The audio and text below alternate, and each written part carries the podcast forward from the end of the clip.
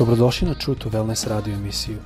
Da saznate više o nama, posjetite naš website truetowellness.com. A sad, vaš domaćin, dr. Todorović.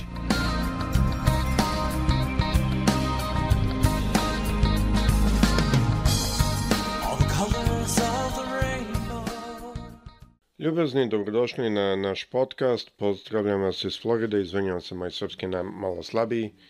Malo gledamo danas, a, to je za zadnjih par a, podcasta smo gledali na Samuila, na Saula i Davida. Mislim da je jako bitno da to pogledamo jer David svakako kaže reč Božja da je David čovek po njegovom srcu i onda želimo malo da vidimo šta to znači. Zašto? Naime, kada ja čitam o Davidu i kada čitam kakav je on bio i kako se ponašao i to sve, mnogo puta se pitam da li bi on da odgovarao našim crkvama danas. Kada gledam naše crkve, mnogo puta se pitam da li bi i Hrist e, pripadao našim crkvama. Naše crkve lepo su ljudi obučeni, lepo ljudi idu unutra, sve je ono, da kažem veštački, ali sve izgleda dobro i prosto sumnjam da je naš Hrist bio, bio dobrodošao. Čak što više ima reč Bože da piše u otkrivenju trećoj glavi da kaže Isus govori Laodicijskoj crkvi kaže ja kucam na vratima i stojim i kogod otvori k meni. Ući ću ka njim i ću s njim Ne znam da li ste razmišljali šta to znači ako Isus stoji na vratima od crkve i kuca, onda ko je u toj crkvi? Svakako nam može biti Hrist. Program, planovi, ljudsko razmišljanje. Mi smo u prošloj epizodi malo videli šta znači to ljudsko razmišljanje. Videli smo šta, zna, kako je bilo ponašanje Saula i tada mu samo rekao Kaže, ludo si radio što si držao, što nisi držao zapovest gospoda Boga svog. To na engleskom znači foolishly. E sada, ta reč u stvari znači i mnogi objašnjavaju skolari da to ima dva značenja. Jedno je da je se ponašao sa deficitom moralnim ili duhovnom kapacitetom. Drugim rečima, nije bio u stanju da ima dovoljno vere i dovoljni kapacitet da se preda Bogu, nego je previše gleda okolo. A druga stvar, vidimo da on nije imao poverenju Boga, nego da je Saul počeo da gleda okolo i onda kad je napravio grešku pokušao da se izvadi, a to nije radilo. Ali David je drugčiji. Naredni stih, i tu ćemo vam pročitati u 1. Samuilovoj 13, 13. glava, 14. stih. Odmah Narniste kaže, a sada carstvo tvoje neće se održati. Gospod je našao sebi čoveka po srcu svom i njemu je zapovedio gospod da bude vođ narodu njegovom, jer nisi tražio šta ti je zapovedio gospodu. Ja sam mnogo puta mislio da je uvek u pitanju to da gospod želi da držimo zapovesti i da hodamo pravilno i bio sam u tom momentu da kažemo da sam brojao svoja dobra dela, ali shvatio sam da to ne radi. Shvatio sam da po tome, ako bi gledali, onda Saul bi vratno bio bolji od Davida. Ali Bog je volao Davida. Zašto? David je imao jedan odnos sa Bogom. Jedan, jednu revnost za Boga. Možemo da vidimo u 1. Samuilovoj 16. glave 11. stih da je samo kad je otišao da, kod oca od Davida, Bog mu je rekao da jedno od njegovih sinova treba da izabere za kralja. I on kad je otišao tamo, otac njegov Jesej je iznao svih svojih sedam sinova, to je svih osim Davida. Zašto nije izveo Davida? On mora da vjerojatno nije razmišljao da će David biti taj koji je pozvan. Paš piše reč Božja, potom reče Samilo Jaseju, je li su ti to svi sinovi? A on reče, ostaje još najmlađi, enoga pasa ovce. Zanimljivo mi je da on nije se ni mučio da pozove najmlađeg. Njegova tri najstarija sina su bili u armiji, bili su jaki, bili su snažni, to su bili muškarci i po da kažemo. I on nije vaš ni pozvao. Mnogi ljudi ne znaju da u izraelskom narodu, ako si ti pastir, a, to je bilo jedno od najloših a, okupacija. To je najniža okupacija. Ne znam šta bi danas to a, možda džubrari, recimo oni koji skupljaju, možda bi tako mi to smatrali danas. Mada ja ne smatram nijednu okupaciju nižu, niti me nemojte razumeti. Ali tako neka loša okupacija, da kažemo, u očima naroda, Tako je David bio. Ali on kad je pazio ovce, kad najđe vuk ili kad najđe lav, on bi zaštitio ovce. Znači, vidite tu jedan, jedan karakter koji se ne plaši. Kad je došao Golijat da se bori, on je izašao protiv njega, ne sa mačem i sa oružjem vojnika, nego kao jedan pastir. Izašao sa njim sa što na engleskom mi zovemo slingshot, ja mislim na našem da se to zove pračka. Ne znam tačno, nisam mogu na Google naći. Ali on je zašao ne sa pravim oružjem, nego sa onim što je on znao, da njega Bog koristio s tim. On nije se previše bačao sa politikom. On nije se previše bačao sa šta će ljudi reći, nego je više stojao u tome šta Bog od njega očekuje. On je zašao pred ovim čovjekom koji je bio preko 3 metra visok a on je bio mali, on je bio mlad, a možete videti kad njegov otac nije čak ni verovao da on može biti jedan od tih kraljeva, nije ga ni pozvao kad je došao Samuilo. Znači možete vidjeti kakva je to jedna razlika bila, ali on je pobedio. Drugo zapažanje što želim da ukažem na to je da, na primjer, mi smo videli da Saul, kad mu je to odgovaralo, on je napravio žrtvu sam, mada nije smeo. To su samo svačenici smeli.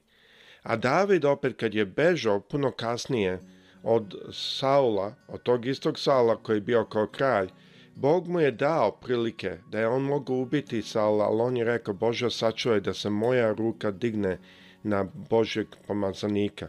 Iako je Bog odbacio Saula, a, David je cenio ne Saula, nego to Božje pomazanje, znači cenio duhovne stvari. Toko da nije hteo, čak dva puta je to bilo ili više puta, da je on spasio Saulov život jer nije hteo da digne ruku na njega. To je druga stvar što moramo znati. Mnogo puta našim crkvama mi cenimo telesne stvari. Mi cenimo kako neko dolazi sa kojim kola, kako je obučen i tako dalje. Ali što vidite, i to je Saul cenio isto, i Boga je odbacio jer on je bio puno u tome što će ljudi reći, da će ljudi stojati s njim, kako on izgleda i tako dalje.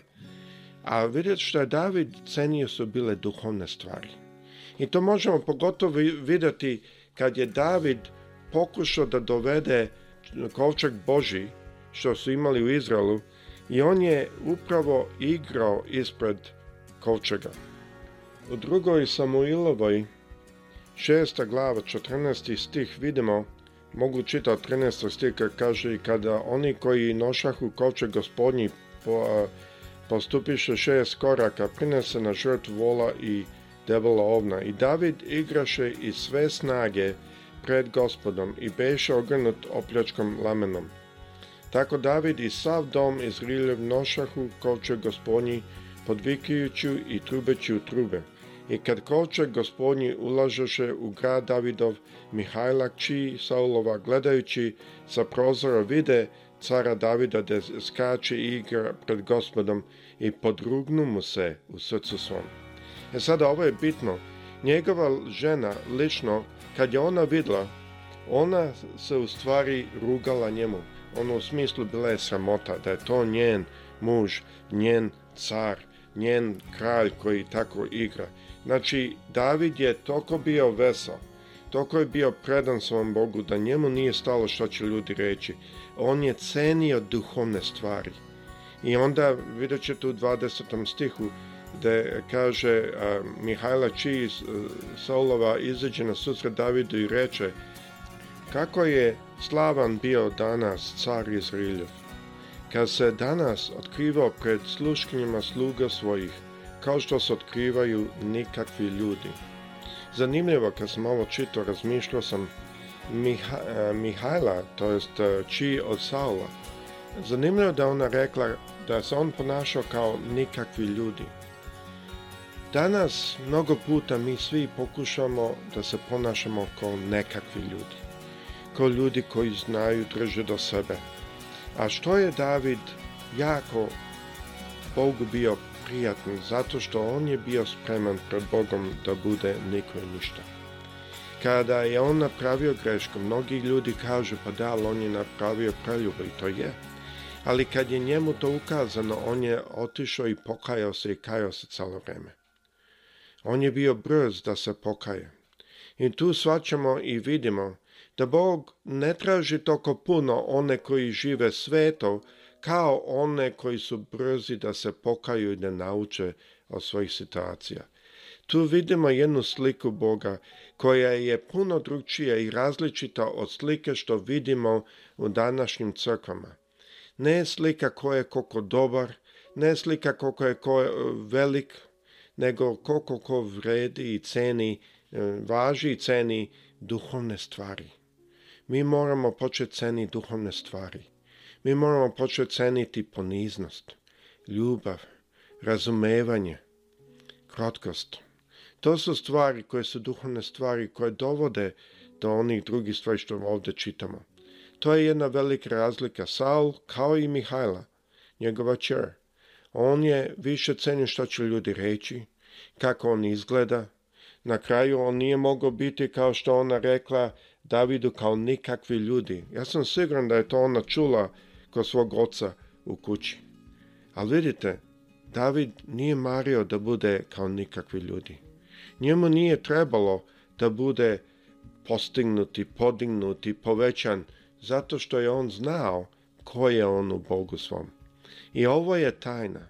Mi ako želimo da hodamo u jednom miru Božem, mi moramo znati ko je naš Bog.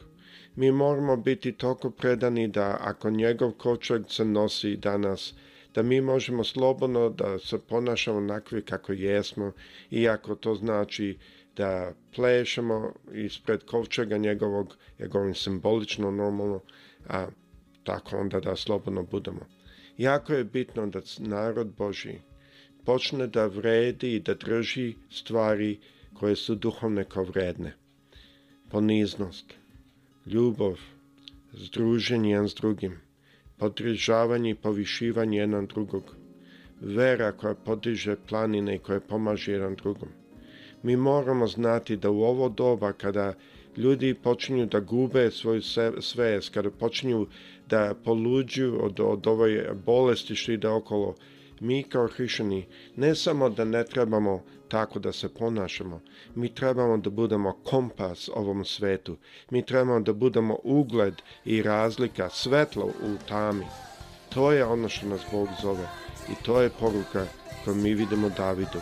Ne samo da je bio revnostan, ne samo što je imao veru, nego je bio ugled kako Bog želi da mi živimo danas. Ja se nadam da vas Gospod blagoslovi sa ovim A verujem da je ovo meni bio isto blagoslov i verujem da će i vama biti. Ja sam sa svima vama